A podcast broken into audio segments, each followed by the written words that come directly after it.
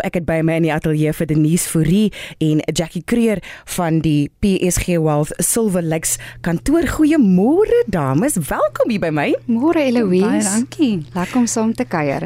Goed, vandag praat ons oor die hedendaagse vrou en haar finansies. In die lig van Augustus wat nou vroue maand is, nê? Vertel vir my asseblief as ek met jou kan begin, dink ek Denise. Hoekom is dit so belangrik om op die hedendaagse vrou se finansies te fokus? Ja, Eloise, um, Augustus is vroue maand soos jy genoem het en um kom ons plaas bietjie die fokus op die vrou en haar finansies, maar ek gaan sommer van die intrapslag dit baie duidelik maak.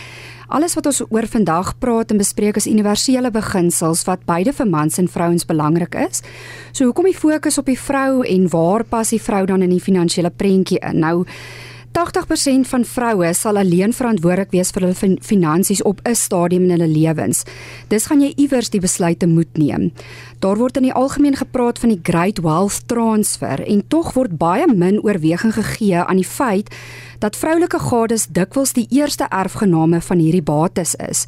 Ons sien dit elke dag, meerderheid van testamente wat ons opstel sê die langslewende gade erf alles. Nou teen 2025 sal 60% van die welvaart in die Verenigde Koninkryk in vroue se hande wees as die eerste punt van oordrag. En in die FSA is vroue geïdentifiseer as die vinnigste groeiende finansiële segment en sal teen 2030 beheer hê oor 30 triljoen dollar se bates. Nou 2025 2030 is dis om die draai. So ek dink ons as vrouens moet weet wat aangaan. Dan 'n laaste statistiek, um, 75% van um, huishoudings se welvaart word um, gesamentlik besit. So die welvaart gaan van op een stadium oorgaan van een gade na ander en die kans dat die vrou die man gaan uitoorleef is baie groot, so jy moet weet wat aangaan. Nou Eloise, as ons kyk na bates en die bestuur daarvan, koppel ons nie noodwendige geslag daaraan nie, maar tog in sekere aspekte is dit belangrik soos lewensverwagting. Die gemiddelde vrou leef 9 jaar langer as die man. So as ons prakties begin raak en jy werk met 'n huwelikspaar wat albei 55 jaar oud is, moet jy in jou uh, beplanning voorsiening daarvoor maak dat die vrou langer gaan lewe. En ek verwelkom nou nog 'n stem wat ek nog nie van tevore mee gesels het, die Jackie Creer. Jackie, wie is die hedendaagse vrou? Eloise, daar is so 'n wye spektrum van vroue in verskillende fases van hul lewens dat ons vandag kyk na persone oor verskillende generasies met baie uiteenlopende omstandighede. So, jy kry die afgetrede baby boomer wat reeds haar loopbaan verlaat het of die generasie X vrou wat 'n paar jaar voor aftrede is, maar dan kyk ons ook na die jonger millennial vrou wat nog welvaart bymekaar maak. Ongeag van haar ouderdom kan sy ook dan natuurlik een van die volgende wees. Sy's dalk 'n enkel persoon wat in beheer van haar eie finansies is omdat sy gekies het om alleen te wees, 'n vrou wie se man tot afsterwe gekom het, of dalk is sy alleen omdat haar paadjie met haar lewensmaat geskei het. Ons wil elkeen van hierdie vroue aanspreek vandag en hoewel ons gesprek spesifiek oor die vroue en haar finansies gaan, wil ek net weer beamoen wat Denise gesê het. Finansiële beplanning en beleggingsbeginsels is nie anders vir mans as vrouens nie. Daarom wil ons ook 'n beroep op die manlike luisteraars doen om in te skakel want alles waar ons vandag gaan gesels is ook vir jou relevant. Dit is dalk jou ma, dogter of jou gade waar ons gaan praat. Denise Jackie het nou van verskillende generasies gepraat. Hoe verskil die generasies en Hoekom is dit relevant? Ehm um, Eloise, dit is belangrik om verskillende generasies te kategoriseer want ehm um, ons gaan gedurende die gesprek uit die aard van die saak nou na hulle verwys, maar elke generasie was aan ander omstandighede blootgestel en dit het 'n geweldige impak hoe jy oor geld en finansies um, dink. So kom ons begin met die silent generasie. Jy's gebore in 1928 tot 45. Jy's nou tussen 78 en 95. So sy is reeds in aftrede. Nou Eloise um, ek het gesê um, in statistiek leef die vrou langer. Nou ek het vinnig gaan kyk in ons praktyk is omtrent uh, 350 van hierdie silent generasie kliënte met omtrent 800 um, miljoen se bates onder bestuur en 60% daarvan is vroue. So dis relevant. So hierdie generasie, um silent generasie was um hulle het uh, groot geword in beide die Groot Depressie en die Tweede Wêreldoorlog. Hulle het skaarste geken, hulle spaarsamig, verstaan uitgestelde bevrediging. Hulle hanteer geld met geweldige diskresie en hierdie generasie het van die laagste jaarlikse uitgawes. Nou vroue in die generasie is meer geneig om 'n beperkte ondervinding met geld te hê want die kultuur was maar net dat dit oorgegee is aan hulle manlike eweknie en ehm um, dis is dit noodsaaklik om in hierdie met hierdie dames in gesprek te tree en dit sal help om 'n gebrek aan optrede te vermy as jy in daai stresvolle tyd is, finansiële besluite te neem wanneer daar 'n traumatiese tyd in hulle lewens is. Mm. Daarna kry ons die baby boomer generasie, gebore tussen 1946 en 64 en jy's nou 59 tot 77 en sy is reeds afgetree of kort voor aftrede. Nou hierdie generasie is gebore aan die einde van die Tweede Wêreldoorlog waar ongekende aantal geboortes in hierdie tydperk plaasgevind word en daarom die naam baby boomers.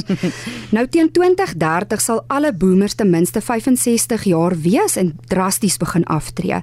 Nou hulle het groot rykdom gegenereer en ekonomiese groei aangespoor aangespoor en hierdie great wealth transfer waarvan ek gepraat het, um, gaan in hierdie generasie plaasvind en daar word verwag dat soveel as 60% van rykdom teen 2025 deur vroue, meestal baby boomers besit gaan word. Nou baby boomers um, ongeag uh, um, Ag is 'n oorgang generasie wanneer dit by vroue se finansies kom. Nou vroue van hierdie generasie kan geen ondervinding oor geld hê nie of heeltemal finansiëel geletterd wees. So om na hierdie vrou te luister um, en haar te adviseer is deurslaggewend want sy gaan met hierdie groot uh, rykdom sit en um, dis belangrik om vir hulle professionele advies te gee. Dis meer nodig as enige ander generasie. Nou die volgende generasie is aanbeweeg is generasie X. Jy's gebore tussen 1965 en 80, jy's 43 tot 58 en jy gaan in die volgende dekade aftree. Nou dis die eerste moderne generasie. Hulle het um, hulle het kennis gemaak met die eerste tegnologie wat ons ken, TV, internet ensovoorts. En hulle is van die mees opgevoede mense en 35% van hulle ten minste 1 graad, maar hulle het van die meeste skuld. Mm. Hulle word beskou as 'n toebroodjie generasie want hulle sorg nie net vir hulle eie kinders nie, maar ook vir bejaarde ouers. So jy moet anders vir hulle beplan.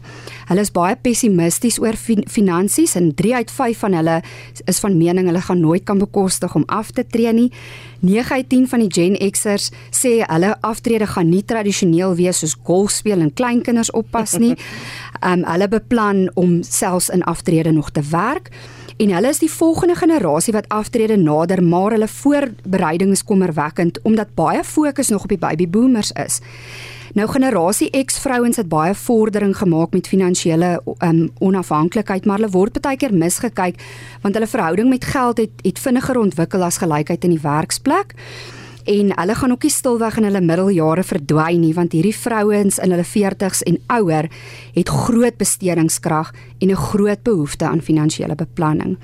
Nou die laaste generasie wat ek aan wil raak is millennials. Jy's gebore tussen 1981 en 96. Jy's nou 27 tot 42 en jy's nou die jonger vrou wat nog wel voort by mekaar maak. Nou, jy is gebore na die aanbreek van die millennium jy was die eerste in 'n digitale wêreld. Tegnologie was nog altyd deel van jou lewe en daar word aangedui dat jy soveel as 150 keer per dag jou foon nagaan. Nou navorsing toon dat hulle die mees etniese en rasdivers in die geskiedenis is. So daar's verskillende sienings wat vermeng word en hulle kyk glad nie tradisioneel na geld sake nie. Nou hulle het hulle unieke behoeftes met finansiële advies want baie vroeër in hulle lewens want hulle het studieskuld onvermoë om die eiendomsmark te betree, hoë vlakke van werkloosheid en hulle het 'n uh, eh, die dreigende aftreegaping want hulle spaar baie min.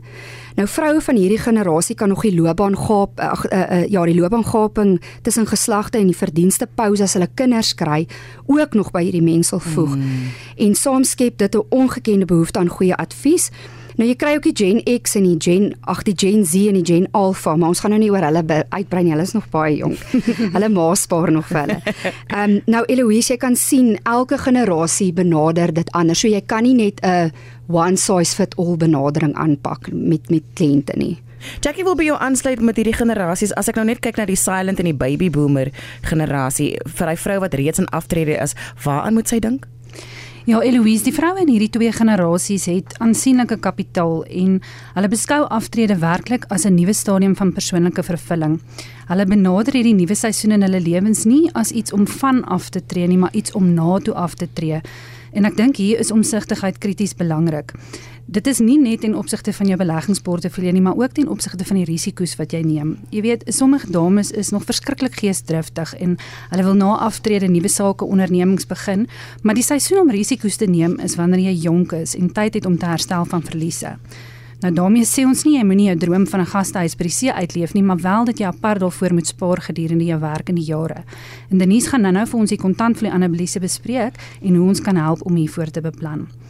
Dan het ons ook 'n um, vrou aan die bokant van hierdie generasie wat 75 jaar en ouer is wat uiters spaarsamig is. Um hulle wil bitter graag iets vir hulle kinders nalat en hier wil ek net beklemtoon, die grootste geskenk wat jy vir jou kinders kan gee is nie 'n erflating nie.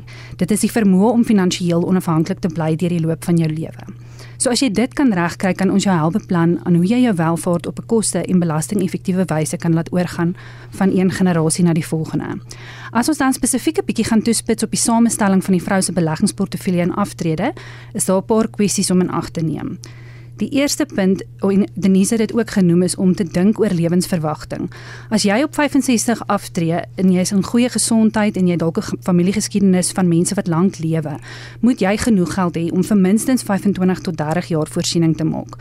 Selfs as jy deel van die stil generasie is wat dalk 78 en ouer is, het jy minstens nog 12 jaar en meer voor jou. Jou inkomste moet meer konservatief wees om rekening te hou met 30 jaar of meer se lewenskoste.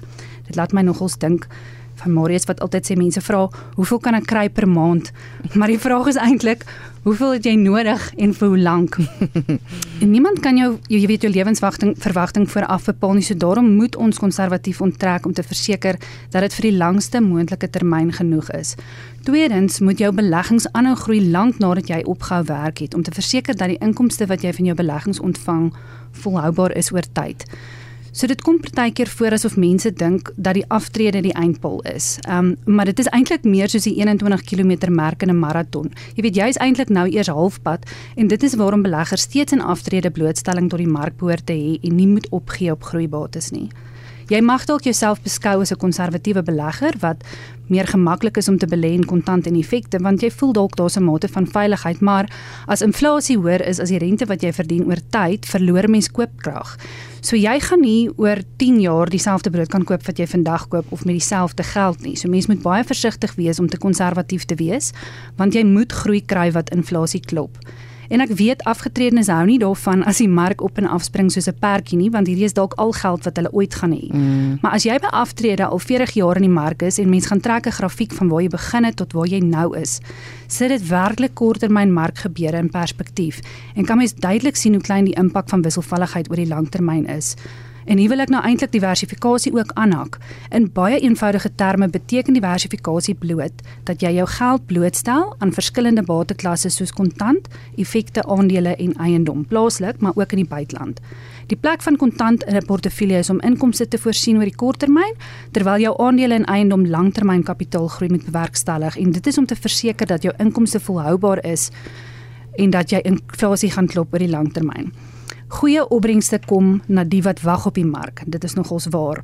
Ehm um, en markte kan 'n slegte dag hê of, of selfs 'n maand of selfs 'n jaar, maar die geskiedenis dui daarop dat beleggers in die mark 'n meer konsekwente opbrengs oor die langtermyn kan verwag.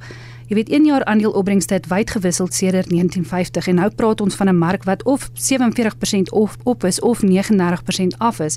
Maar 'n kombinasie van aandele en effekte het nie 'n negatiewe opbrengs gehad oor enige 5 aaneenlopende jare in die afgelope 69 jaar nie. Sjoe. Met ander woorde, as jy goed gediversifiseer is en belê bly, kan jy oor die langtermyn bestendige groei verwag. Nou Denise het vroeër melding ook gemaak van die groot welvaartoordrag en dit is waar 80% van vroue geld gaan ontvang van hulle mans af en hulle gaan dit ervaar in hulle lewenstyd. Jy moet absoluut gereed maak hiervoor. Jy moet die hele sak betats bring en hom uitpak saam met jou man en jou finansiële adviseur. As jy voortydig beplan, dan gaan jy presies weet wat moet gebeur en beperk jy jou risiko rondom emosionele besluitneming. Jackie het gepraat oor die baby boomers en uh, wat was daai ander generasie? Die silent, silent generasie, die stil generasie. Jy gaan nou vir ons vertel van generasie X, wat sy moet doen, wat vir haar belangrik. Eloise, wat vir die wat hierdie vrou moet doen is om te beplan. Dis al wat jy kan doen. Jy moet beplan en jy moet bepaal of jy genoeg het vir aftrede en om dit te doen is 'n kontantvloei analise. Nou kontantvloei analise is die beginpunt eintlik maar vir enige ouder om enige geslag. Nou Jackie het dit ook genoem, kliënte sê dikwels ek het 5 miljoen rand, hoeveel kan ek daarvan trek? Nou, hoeveel jy het beteken eintlik nie veel vir ons nie. Die vraag is wat benodig jy van daai kapitaal en vir hoe lank? En dit is wat 'n kontantvloei analise vir ons wys. So eerstens maak ons 'n paar aannames. Jackie het gepraat oor jy moet groei kry, so watter groei verwagting het ons? Inflasie aanname en baie belangrik vir hoe lank beplan ons daai termyn tot jy 85 of 100 is of hoe oud ook al. Hm. Nou die termyn is baie belangrik. Ek het voorheen ook gesê want as jy byvoorbeeld kyk na meneer en mevrou, moet jy beplan tot mevrou 90 is, wat dalk byvoorbeeld beteken jy moet 'n ekstra 5 jaar beplan en die geld moet ook 'n ekstra 5 jaar dan nou hou. Nou ehm um, Ons sal dan kyk na kliënt se bestaande beleggings en hier wil ons 'n volledige prent hê wat jy tot dusver gespaar het en ons maak ook 'n verdeling tussen um, verpligte aftreegeld en vrywillige spaar uh, geld. Nou daar dis baie belangrik om 'n balans tussen die twee te kry want die een se inkomste is belasbaar en die ander een se inkomste is nie belasbaar nie. So jy bluf jouself as jy dink jy gaan net uit pensioengeld inkomste trek. Ons moet 'n balans tussen die twee kry. Dan ehm um, ons kyk ook na addisionele inkomste wat jy moontlik kan verdien in aftrede. Nou ek het genoem hierdie generasie X ehm um, gaan aanhou werk en ons moet dit in ag neem. Dit wys ook dalk vir ons of jy moet eerder uittreë nie um, aftree nie. Jy moet dalk mm. nog aanhou werk. Ehm um, enige kapitaal wat moontlik na aftrede sal invloei, met ander woorde die verkoop van 'n eiendom, as jy nou afskaal enige kapitale uitgawes wat ons moet voor ehm um, beplan en ons het genoem van die toebroodjie generasie. So sê maar jy moet voorsiening maak vir kinders of bejaarde ouers se uitgawes moet ons dit in ag neem. Ehm um, so die kontantvloei wys vir ons watter impak het hierdie kapitale uitgawes oor die langtermyn in jou plan en kan jy dit bekostig om vir almal te sorg of moet jy dalk hierdie naalstring bietjie spreekwoordelik knip, nê? Nou baie baie belangrik is jou inkomstebehoefte per maand want vir een persoon is 20 per maand genoeg en vir ander een is dit te min. Ehm um, so ons moet gaan kyk wat het jy nodig elke maand van hierdie kapitaal.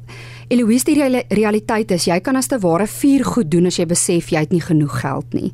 Jy kan later aftree. Jy kan meer spaar, vermy skuld en sorg dat jy goeie bates het soos Jackie gesê het, moenie wegkruip in kontant nie. Die derde ding is jy gaan sekere luksede dalk moet prys gee, soos duur motors of vakansies, maar seker die belangrikste een, hou jou uitgawes onder beheer. 30000 versus 50 wat jy benodig maak 'n baie groot verskil. So of jy nou reeds afgetree is of voor aftrede is om te weet of jy genoeg gaan hê, is die antwoord 'n kontantvloei analise. Dit wys vir ons of die kapitaal genoeg is. Jackie, en as ons nou by die millennium vrou kom, Eloise, hierdie vrouens is 'n kombinasie van twee generasies. Ehm um, die generasie X en die millennials. Sy's waarskynlik 'n gegradueerde met 'n gevestigde loopbaan en in die welvaartskeping fase van haar lewe. Vir haar wil ons sê begin so vroeg as moontlik spaar en volhou daarmee. Denise het vroeër verwys na die toebroodjie generasie en hierdie vrouens het nog 'n groter finansiële uitdaging omdat hulle nog meer moet spaar. So jy kan nie bekostig om ligtelik om te gaan met jou eie finansiële beplanning nie omdat jy as vrou unieke uitdagings het wat ons nou nog gaan kyk. Eerstens vroue leef langer. Een uit elke 4 vroue wat vandag 60 jaar oud is kan lewe tot op ouderdom 94 en een uit elke 10 kan 98 haal. Hm. Die gevolg hiervan is dat jy op gemiddeld 4 miljoen rand meer moet spaar as jou man om dieselfde aftrede te geniet. Dan is jou loopbaan ook dikwels korter. 61% van vroue wat gesinne begin, werk of minder ure as hulle teruggaan of hulle verander van loopbaan of hulle hou heeltemal op werk om kinders groot te maak. Om dit te kroon, verdien jy minder as die gemiddelde man oor sy lewenstyd. So as mens dit by aftrede vergelyk, vergelyk, sal 'n vrou wat van haar 20's af gespaar het, moontlik by 6 miljoen rand uitkom waar haar manlike eweknie 8 miljoen rand gespaar het. Dis met 'n agneming van hierdie statistieke Eloise wat vroue baie minder beweegruimte het vir foute oor groot finansiële besluite. Die raad wat ons dus hier sou gee is om jouself te rad vir sukses moet jy die volgende doen. Eerstens, vermy skuld en bou vir jou 'n noodfonds op. Jou noodfonds moet gelykstaande wees aan 3 tot 6 maande se uitgawes en die funksie daarvan is om te verseker dat jy kapitaal tot jou beskikking het vir onbeplande uitgawes. Dan moet jy ook voorsiening maak vir onvoorsiene gebeurtenisse soos 'n afsterwe, ongeskiktheid of dalk 'n kritieke siekte. Hier maak ons tipies gebruik van langtermynversekeringskontrakte om beskerming te bied. Meeste Suid-Afrikaners bekom bates soos eiendom en besigheidsbelange deur middel van finansiering, maar gestel jy's 'n 35-jarige vrou, jy het kindertjies, jy het 'n huis wat moet afbetaal word en nou kom jy tot sterwe. Wat dan? Hmm. Ehm um, dit is regtig die enigste wyse om finansiële stabiliteit in die huishouding te verseker wanneer jou inkomste wegval. Die ander vraag is is jou testament in plek? Ehm um, die testament is nie net belangrik sodat jou boedel vererf volgens jou wense nie, maar ook om voorsiening te maak vir minderjarige kinders want waar jou testament dit nie spesifiek aanspreek nie, gaan die hof beskik oor toesig van jou kinders en dis nie noodwendig in hulle beste belang nie. En ek noem hierdie dalk nou laaste op die lys, maar dis eintlik die belangrikste gedeelte. Identifiseer wat is jou kapitaalbehoeftes vir die kort, medium en langtermyn en sit saam met 'n finansiële beplanner om 'n beleggingsplan in plek te kry. Nie wil ek net beklemtoon. 'n Beleggingsportefeulje is die uitkoms van 'n plan wat saamgestel is vir jou unieke behoefte. Die vertrekpunt is om 'n kontantvloei-analise voor te berei waar jou behoeftes dan in randterme gekwantifiseer is sodat jy 'n goeie begrip het van wat jy gaan nodig hê. En die belangrikste is om te begin spaar vandat jy jou eerste salaris ontvang en deurlopend minstens 15% van jou inkomste weg te sit en konsekwent te bly daarmee. daarmee. Die gevolg hiervan oor tyd is dat jy die voordeel van saamgestelde opbrengs ontvang wat 'n wesenlike verskil op jou uitwaardes by aftrede gaan maak. Laastens, Moenie emosionele besluite neem nie en dit is van toepassing op jou spandering as ook jou beleggingsplan. Net soos wat 'n mens kopers berou kan hê wanneer jy jouself op die ingewing van die oomblik bederf, kan jy ook verkopers berou hê as jy emosioneel reageer op markgebeure en dan in daardie oomblikke besluite neem wat lei tot kapitaalverlies. Hou by die plan, vertrou die proses want as jy dit kan regkry, sal jy die vrugte daarvan pluk. Denise en die vrou wat dan nou besluit het om alleen te bly, hoe hoe maak sy? Ja, Eloise, daar's 'n sekere tendens van minder huwelike en opname onder enkel lopendes. Die vraag of wil jy wil of jy wil trou, het slegs 46% verseker ja gesê. 25 het verseker nee gesê, ek wil alleen wees en 29% gesê ek is nie eintlik seker nie. So die realiteit is generasies se ehm um, sienings verander. Ehm um, nou ek wil net hierso sê dat ehm um, of jy nou dalk enkel is omdat jy verkies het um, om enkel te wees. Jy het nog nie die regte persoon ontmoet nie. Jy's dalk in 'n saambly verhouding. So dis as jy nou nie 'n getroude persoon in terme van enige wetgewing nie. Onthou, ehm um, daar ja, daar jy word daar word anders na jou gekyk as ons oor finansies praat. So as ek oor beleggings praat, ehm um, Daar's niks aan jou verskil nie of wat jou verhoudingsstatus en geslag maak nie eintlik 'n groot verskil nie. Jy moet nog steeds groei kry in 'n portefeulje ensovoorts, maar daar's 'n paar goed um, wat kan verskil in in daai spesifieke scenario. En waar jy anders is as ek na die volgende paar goed kyk. Nou daar kan 'n legio van scenario's wees so ek wil nou nie enige ding uitsonder nie. So wat belangrik is, kry iemand wat vir jou goeie advies kan gee. Maar eerstens waarna kan dink is boedelbeplanning. So onthou enige bemaking aan 'n gade word uitgesluit vir boedelbelastingdoeleindes, maar as jy enkel lopend is, kry jy nie die vergunning nie. Jy het net jou 3.5 miljoen boedelbelasting uitsluiting en enigiets wat jy aan 'n derde party bemaak, um, um, word in berekening gebring vir boedelbelasting en daar's maniere hoe om boedelbeplanning te doen sodat jy koste bespaar. So boedelbeplanning vir enkel loberdes is is uiters belangrik. Jou aftreefondse by dood. Nou mense moet onthou, aftreefondse is onderhewig aan die pensioenfondswet. Nou waarby ek hier wil uitkom is as jy sterf van die trustees kyk of daar enige finansiële afhanklikes was en nie noodwendig wie jy genomineer het nie. So wat ek net hier wil skets is as jy byvoorbeeld in 'n saambly verhouding is en jy bring gedeeltelike inkomste in die huishouding in, is daardie persoon definitief finansiëel afhanklik van jou. Nou sê jy op jou op jou aftreeanniteit jou suster moet hom dis die begunstigde, maar die trustees gaan van die fonds gaan verseker jou maat in ag neem as hulle na finansiële mm-hmm. afhanklikheid kyk. So weet hoe sekere wetgewing werk. Nou as ek by persone kom wat alleen is omdat hulle geskei is of dalk nou gaan skei, baie belangrik, praat met jou finansiële adviseur in samewerking met jou prokureur en mediator. Nou ek het 'n familiereg dosent gehad wat gesê het death and die wars. En hy het altyd gesê uh, die wars has the same implications as to die. So met ander woorde, dood en egskeiding het baie van dieselfde implikasies. Nou waarop ek hier wil vestig is die eerste ding, verdeling van jou bates by egskeiding. Nou ek het gepraat um dat jy moet onthou dat bates of geld wat jy ontvang uit 'n egskeiding moet jy regtig goeie besluite neem en dit kan jou finansiële beplan baie beïnvloed.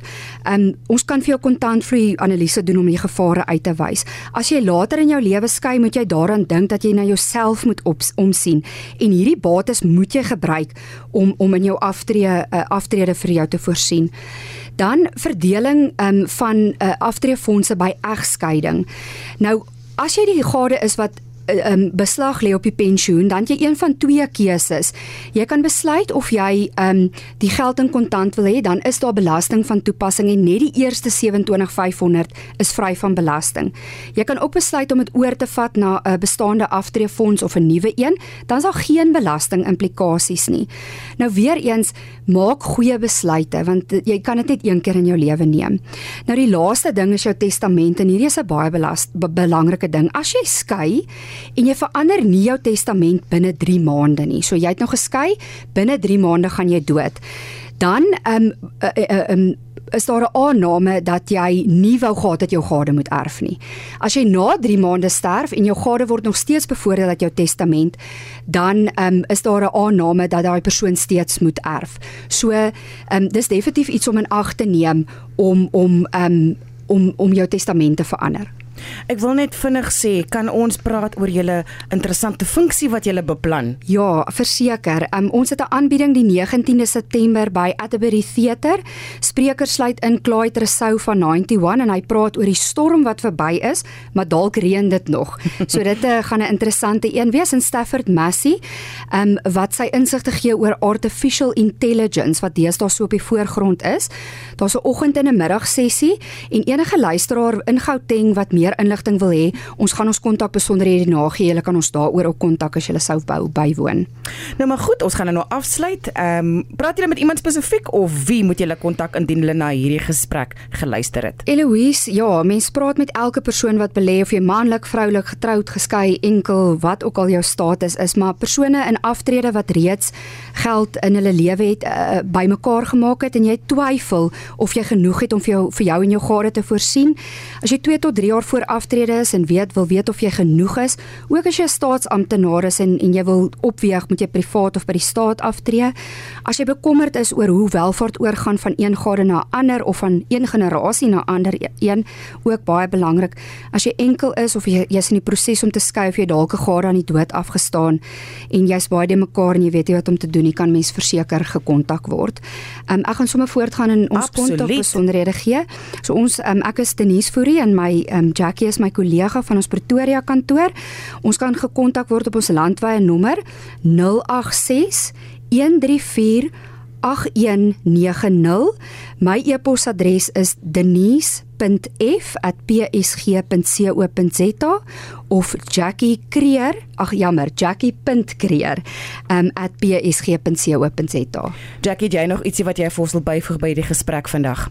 Ja, Eloise, ek dink ek wil net gou-gou raak aan die omstandighede van wanneer 'n gade sou wegval en ek dink soos wat Denise nou gepraat het ook oor die egskeiding Jy weet, dit kan 'n mens nog in 'n mate begin sien kom as die huwelik begin verbrokkel, maar partykeer is 'n afsterwe net so onvoorspelbaar, veral as iemand nie 'n lang sieke wet gehad het nie. En huwelik regtig 'n beroep doen op al ons luister luisteraars vir al die huwelikspare om duidelik te kommunikeer oor die voorsorg wat getref is vir wanneer 'n gade tot sterwe kom. Ons moet regtig weet mooi kyk na hierdie situasie en dit nie net laat oorhang en oorstaan en hoop vir die beste wanneer die gade wel tot sterwe ja, kom. Ja, ek sê altyd as jy as jy ehm um, nie 'n plan het nie, kan jy altyd mis, maar as jy 'n plan het, kan jy raak skiet. Fantasties. Dit was dan Denise Fourie en Jackie Creer van PSG Wealth se Silverlex kantoor.